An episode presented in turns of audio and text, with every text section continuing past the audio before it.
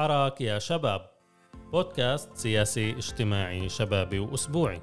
بستضيف فيه ناشطين لنحكي عن قضايا الحركات الشبابية. تابعوني كل أسبوع مع حلقة جديدة راح أكون معكم أنا ربيع عيد. إذا عندكم ملاحظات أو اقتراحات ابعتوا لي على الإيميل المرفق في تفاصيل البودكاست.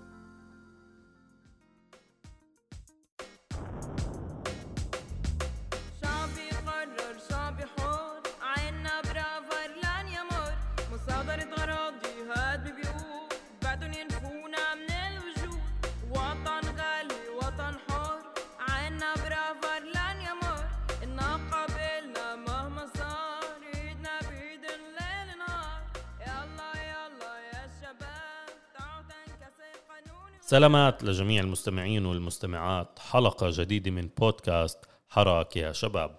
واليوم راح نحكي فيها عن الحراك الشبابي ضد مخطط برافار عام 2013 ونستعيد في الذكرى الثامنة لانطلاق الحراك المظاهرات اللي عمت في الداخل الفلسطيني وفي كل فلسطين وصلت العالم العربي والعالم. ونجحت إنه توقف مخطط حكومي بيستهدف تهجير أبناء شعبنا في النقب ومصادرة أراضيهم. نستعيد هاي التجربة اليوم في سياق الهبة الشعبية الأخيرة في فلسطين اللي فيها الحركات الشبابية لعبت دور مركزي. ومنحاول نشوف أوجه الشبه ولتضل تجربة الحراك ضد مخطط برافار حاضرة معنا كتجربة فريدة ومميزة وخلاقة اللي مثلت نموذج للحراك السياسي استطاع تحقيق أهدافه وتصعيد النضال السياسي.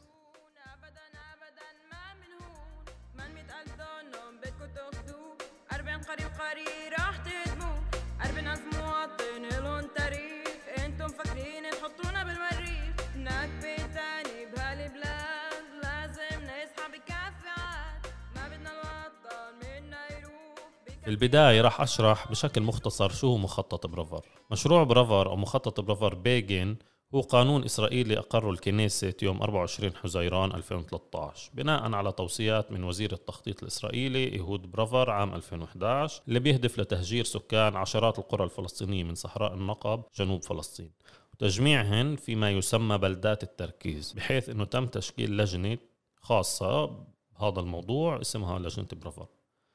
وطبعا الفلسطينيين اعتبروا هذا المشروع وجه جديد لنكبة فلسطينية جديدة لأنه إسرائيل راح تستولي بحسب هذا القانون على أكثر من 800 ألف دنم من أراضي النقب وتهجر 40 ألف إنسان من النقب وتدمير 38 قرية غير معترف فيها.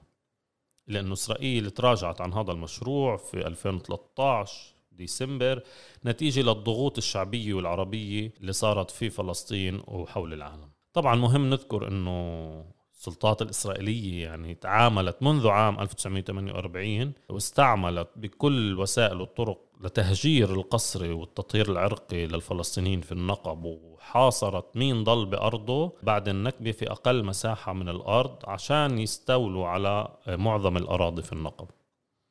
عشان هيك إسرائيل دفعت بمن تبقى بعد النكبة من فلسطينيين لمناطق ذات مساحات صغيرة لا تتجاوز واحد بالمية من مساحة النقب الكاملة. فرغت أرضهن وهي طبعا بتسميها تنظيف. هاي المناطق سميت مناطق السياج وفرض على كل حدا عايش فيها حكم عسكري حتى أواخر سنوات الستينات. وبلشت إسرائيل تجمع في, في الفلسطينيين في النقب في هاي البلدات وهدفت من خلال هذا الحشر والحصر للاستيلاء على الكثير من الأراضي. طبعا مهم نذكر أنه معظم بال 48 كمان إسرائيل هجرت معظم أهالي النقب واللي ضلوا ما زالوا يواجهوا سياسة سياسات تهجير صح أنه المخطط الحكومي والقانون آه، سقط وما مرق وتراجعت عنه إسرائيل لكن اليوم سياسات الهدم والتجريف والملاحقة والتضييق آه، مستمرة.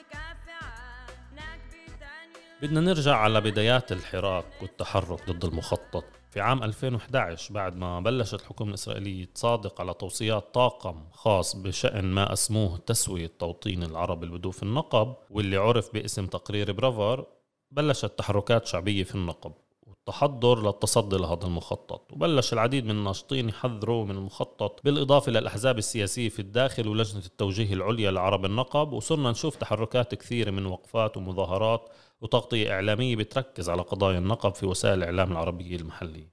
وصار في كمان إضرابات في النقب وخطوات عملية اللي بلشت تتصاعد من شهر لشهر. وكانت في بعض المناسبات المشاركة فيها بالآلاف مثل يوم الزحف إلى المفارق.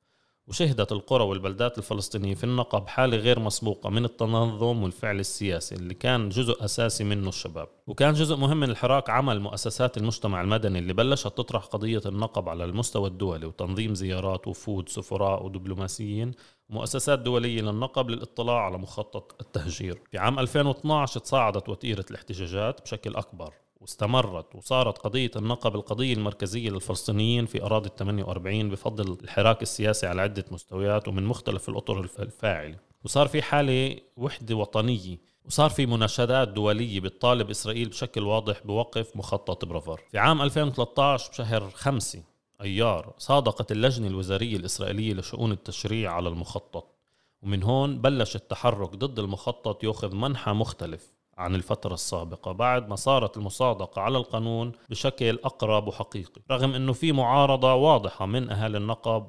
والاحتجاجات كانت موجودة وصوت الناس كان واصل. في نفس الوقت بلشت تخرج أصوات من العديد من الناشطين وأهالي النقب بتعبر عن استيائها من الأداء السياسي للقيادة الفلسطينية في الداخل بالتعامل مع هاي القضية وبالطالب بتصعيد النضال أمام النكبة الجديدة بحق أهالي النقب. استمرت النشاطات والوقفات والمظاهرات وتكثفت وصارت أسبوعية وأحيانا شبه يومية وبلشت تنتقل للبلدات العربية. وبتاريخ 13 حزيران 2013 نظم إضراب شامل وواسع في النقب لاقى نجاح كبير وانعكس هذا في المظاهرة الضخمة اللي جرت في مدينة بير السبع اللي شارك فيها أكثر من عشر ألاف شخص. بتذكر خلال تواجدي في المظاهرة وتغطيتها في حين لموقع عرب 48 مشاهد الزحف الشعبي من كل بلدات النقب والقرى غير المعترف فيها لمدينة بير السبع. مشاركة كافة الشرائح من رجال ونساء وشباب وأطفال. كانت مظاهرة جبارة بكل معنى الكلمة. اللي جابت شوارع المدينة ووصلت أمام المحكمة المركزية. وكان واضح من المزاج الشعبي عند الناس إنه إحنا أمام مرحلة جديدة. وفي استعدادية نضالية عند الجميع. الناس طلعت تحمي بيوتها تحمي أرضها. بذكر يومها الغضب الشديد اللي كان موجود بين الناس. كانت المظاهرة يومها ممكن تتحول بأي لحظة لمواجهات مع الشرطة الإسرائيلية اللي تواجدت. الشرطة ما قمعت المظاهرة يومها كونها كانت مظاهرة مرخصة. بنفس الوقت حالة ضبط النفس عند الشرطة كانت عالية وما بدها تقمعها بسبب المشاركة الكبيرة اللي فاقت التوقعات حتى من ناحية استعداد الشرطة. يومها الشرطة وضعت حواجز حديدية حول المبنى. مبنى المحكمة وكانوا المتظاهرين يحاولوا الدخول إلى المحكمة. في الوقت اللي الشرطة بتحيط بالحواجز بعناصرها وبتعمل حاجز بشري وبتمنع أي تقدم. صار في شوية مناوشات خفيفة من دون لا تتحول لمواجهات خصوصا أنه كان في بعض القيادات العربية اللي تهدي الشباب وتمنع تفجر غضبهم واختراق الحواجز الحديدية نحو المحكمة. هاي المحكمة اللي هي رمز كمان للظلم بالنسبة لكثير ناس في النقب واللي بيصدر عنها أوامر هدم وتجريف وقمع لأهالي النقب. يومها بتذكر لما نجحت فتاة من النقب عمرها 13 سنة باختراق الحواجز وراحت وقفت على مدخل المحكمة ورفعت علم فلسطين. دخولها زاد من اشتعال الناس وهتافاتهم. في الوقت اللي فيه القيادات التمثيلية كانت عم تلقي خطابات اختتام المظاهرة في زاوية أخرى. كانت الناس واقفة تحيي الطفل وتهتف. إجت الشرطة تحاول إخراج الفتاة بس هي رفضت وضلت مصرة. حاولوا جرها بالقوة بس غضب الناس زاد وبلشوا يحاولوا تجاوز الحواجز المحاطة بالأمن. وقت الشرطة فهمت أنه إخراج الفتاة بالقوة ممكن يسبب غضب ويكسر حاجز الطوق الأمني الموجود حول المحكمة. فتوجه الضابط المسؤول لواحد من القيادات العربية عشان هو يطلع هاي الفتاة. اللي بدوره حاول يحكي معها وكمان يخرجها بالقوة بس الفتاة أصرت وظلت رافعة علم فلسطين والجماهير تحييها. يمكن هذا المشهد بلخص المرحلة الجديدة اللي دخل عليه الحراك ضد برافر اللي كان عنوانه التصعيد وجيل الشباب وكسر ما هو مسموح وتقليدي في الاحتجاج. وهون ننتقل ليوم الغضب الأول.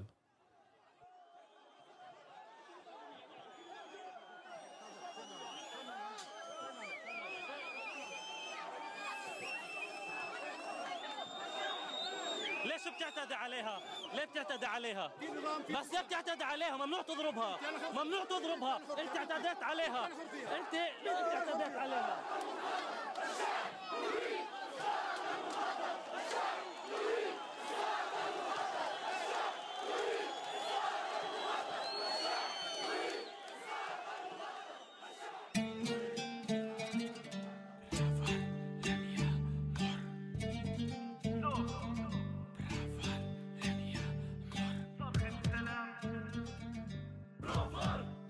بعد تصاعد وتيرة الأحداث واستمرار الاحتجاجات بشكل يومي أعلنت لجنة المتابعة الجماهير العربية عن تنظيم إضراب عام بتاريخ 15 تموز 2013 قبل هذا الوقت كان في عدة مبادرات من ناشطين وناشطات شباب اللي كانوا يلتقوا يفكروا كيف ممكن تصعيد النضال الشعبي لمواجهة المخطط.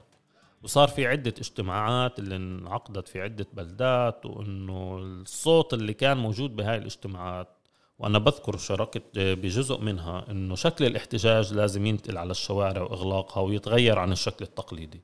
وهيك بلش يتأسس الحراك الشبابي ضد مخطط برافر وأطلقت حملة برافر لن يمر وصار في صفحات خاصة مواقع التواصل الاجتماعي للحشد والتعبئة والتوعية.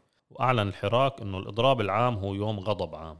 وتبنى قرار الإضراب ودعا لمظاهرات في نفس اليوم في سخنين وأم الفحم وبير السبع.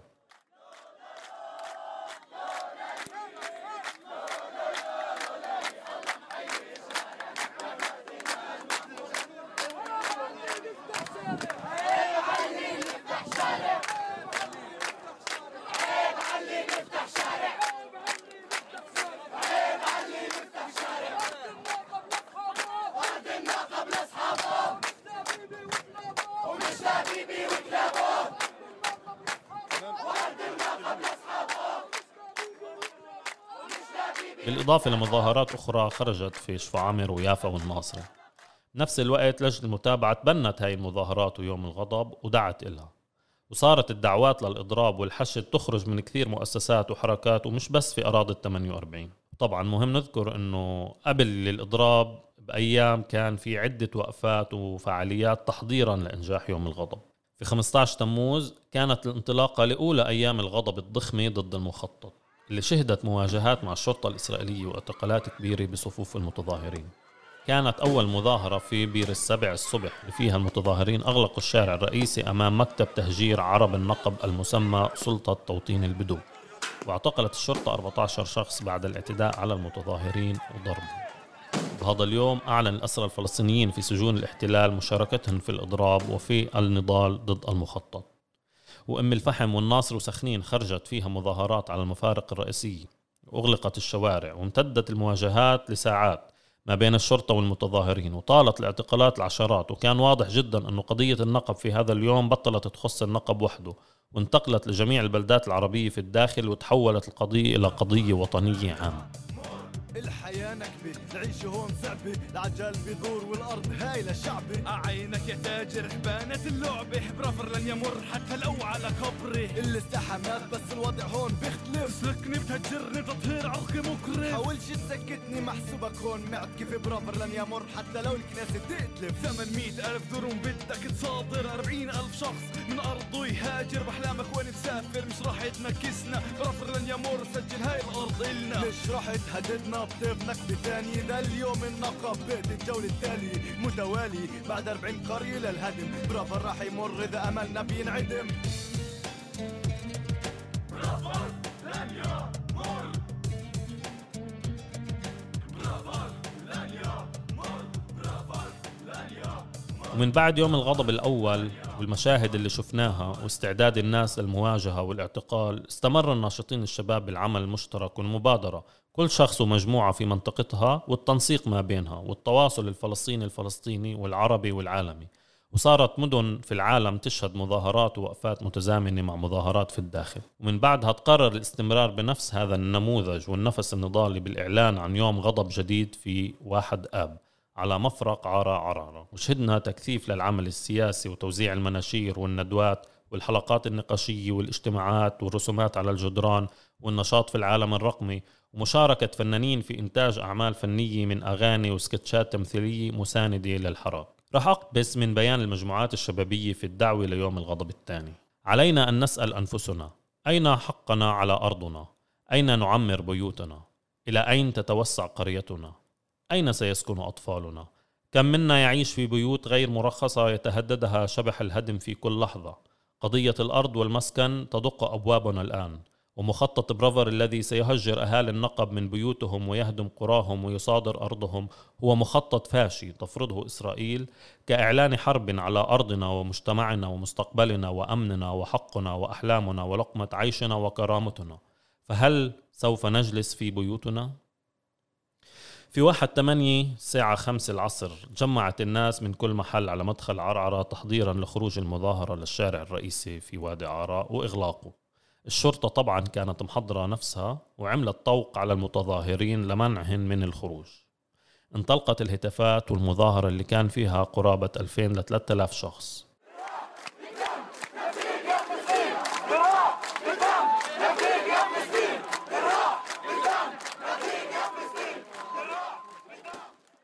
الشرطة وبأدواتها القمعية منعت أي شخص يعبر الحاجز البشري اللي عملته نحو الشارع الرئيسي.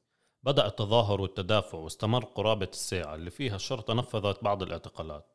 في هذا الوقت صار يصل كمان ناس وبساط للمظاهرة اللي وقفوا على الشارع الرئيسي خلف الشرطة. وبعدها بلشت الشرطة بإطلاق قنابل الصوت والغاز وتفريق المتظاهرين وبلشت حملة اعتقالات كبيرة. بالإضافة لأصابة العشرات بجروح منهم من أصيب برصاص مطاطي.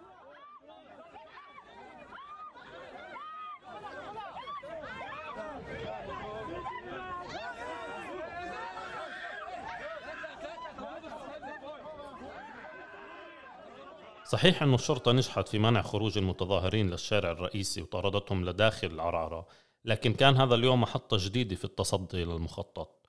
وأظهر شجاعة الشباب والصبايا وبسالتهم في الوقوف أمام الشرطة والاستعداد للمواجهة والاعتقال.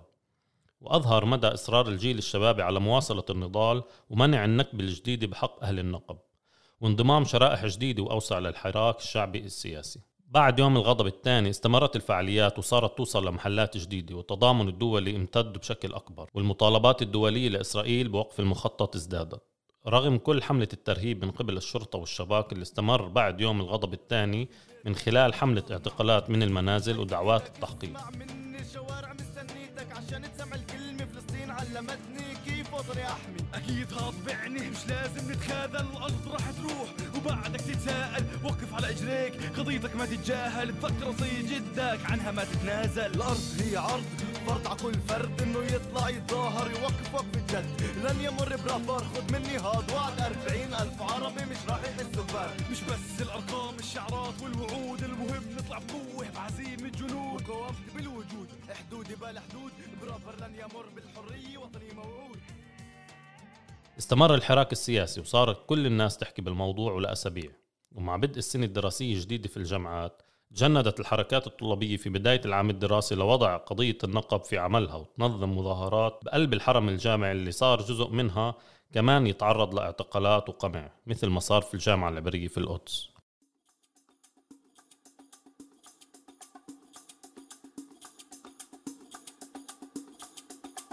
علي صوتك ما تخافش قوي قلبك قول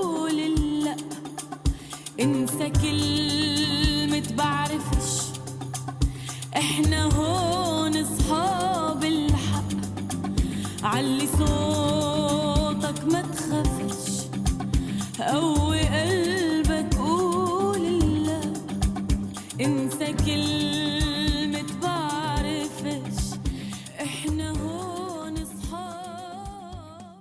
استمرت الأخبار على المظاهرات والمسيرات أسابيع لحد ما أعلن عن يوم غضب ثالث في 30 تشرين الثاني اللي كانت في حيفا والنقب في بلدة حورة. وسط تهديدات من وزير الشرطة يضحك أهرونوفيتش ورئيس الحكومة الإسرائيلية في حينه بنيامين نتنياهو بالتعامل بيد من حديد مع المظاهرات. شهد يوم الغضب الثالث مشاركة ضخمة وأوسع والمواجهات مع الشرطة كانت أعنف خصوصا في النقب اللي فيها الشرطة حاصرت حورة لساعات طويلة واستعملت العنف ضد كل شخص منهم أطفال. قامت باعتداءات همجية ضد المتظاهرين وطالت الاعتقالات العشرات ومنهم قاصرين. ومنهم مين تقدم ضده لوائح اتهام وتعرض للسجن والملاحقة. كان يوم الغضب الثالث محطة مفصلية على استمرار الحراك وأثبت أنه الناس وبعد أربع أشهر من يوم الغضب الثاني ما زالت مستعدة إنها تنزل وتواجه. في هذا اليوم خرجت مظاهرات في كل أنحاء العالم وتوحدت فيها فلسطين وكل مخيماتها في الشتات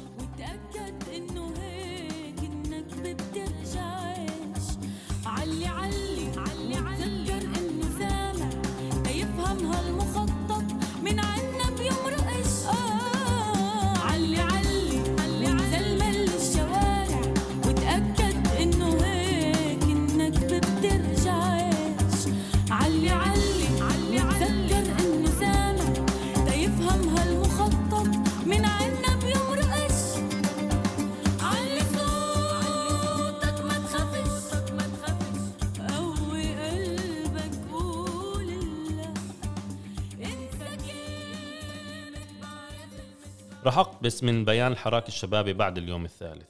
كان يوما مفصليا بفضل تواجدنا كلنا معا في الشارع في سائر المدن الفلسطينية ومخيمات الشتات وأكثر من 35 مدينة حول العالم. وقد رفعنا النضال ضد مخططات التهويد إلى مستوى جديد.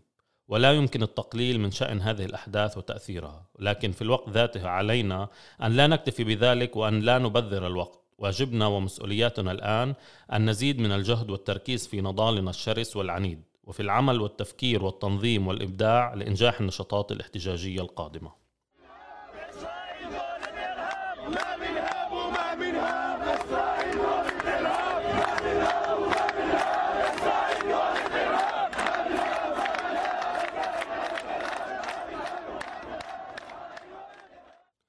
بعد مظاهرة الغضب الثالثة وبتاريخ 12/12/2013 أعلن بيني بيجن المسؤول من قبل الحكومة الإسرائيلية باقتراح قانون برافر راح يتم تجميد القانون ووقف التداول فيه مشير إنه رئيس الحكومة الإسرائيلية نتنياهو وافق على توصية شطب اقتراح القانون. في بيانه بعد سقوط قانون برافر طلع الحراك الشبابي في بيان وقال سقط القانون لأننا خضنا التحدي بشراسة نزلنا إلى الشوارع وتصدينا بشجاعة وتفاني لقمع الشرطة وبطش السلطات الإسرائيلية. مظاهرات 15 تموز أول آب 30 تشرين الثاني وضحت للعالم بأسره أن لا إمكانية لتطبيق مخطط برافر وتمرير القانون وأن شعبنا سيمنع تهجير أهلنا في النقب وهدم قراهم مهما بلغ الثمن. وجاء أيضا في البيان إسقاط مخطط برافر هو إنجاز هام والطريق نحو الانتصار طويل لكنه ممكن ونرى الضوء في آخره. الاعتراف بملكيتنا التاريخية على أرضنا الاعتراف بقرى النقب غير المعترف بها والإيقاف الفوري لهدم البيوت وإطلاق سراح معتقلي الحرية برافر لن يمر أنا عايش بارضي حر أنا عايش على الحلو وعايش على المر. إذا برافر بمر بجر وراه كثير راضي دائما 150 ألف دون من أرضك بلادي. بلادي. بلادي لك حبي وفؤادي. برافر لن يمر حتى على جثة أسيادي. أنا بهاي الأرض من جد اجدادي أنا بهاي الأرض راح يضلهم يربح فادي. ذكرى خالدة بروسنا من أيام النكبة. كيف سيدي وسيدك تهجر؟ ولا ابعد عن دربي؟ إبعد عن دربي بدي أناضل. بدي اخاطر ابعد بدي افوت هاي حربي قلبي بإيدي كفيتي على راسي. سلاحي أكتر. الله أكبر. اطلع بالباص على حيفا تيسر 30 11 يوم الغضب الثالث إحنا بحاجة لا كل محارب. يلا. صوتنا لازم يضل صامت. انزل على الشارع. اطلع احشد. صرخ وقول برافر لن يمر. برافر لن يمر. برافر لن يمر. برافر لن يمر. برافر لن يمر. برافر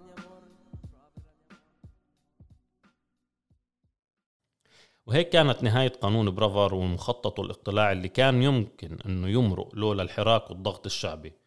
صحيح إنه مخططات الهدم والاقتلاع الإسرائيلية ما زالت مستمرة وبطرق مختلفة في النقب ولليوم لكن كمان صمود أهل النقب ما زال مستمر والدفاع عن أرضهن وحقهن وبيوتهن ما زال مستمر.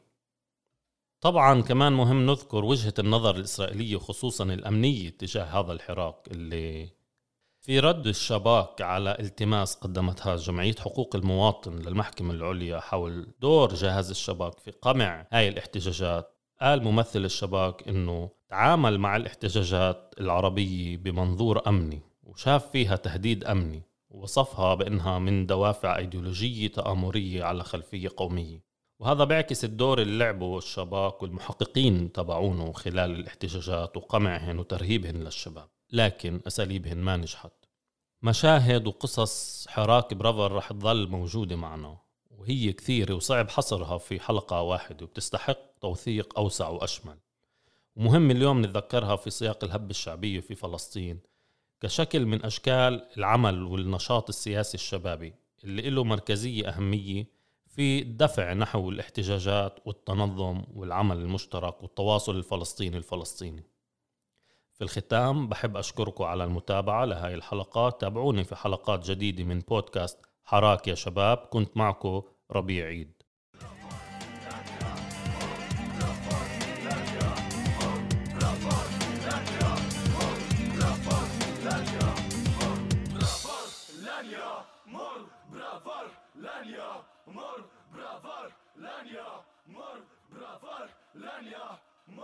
bravar, bravar. more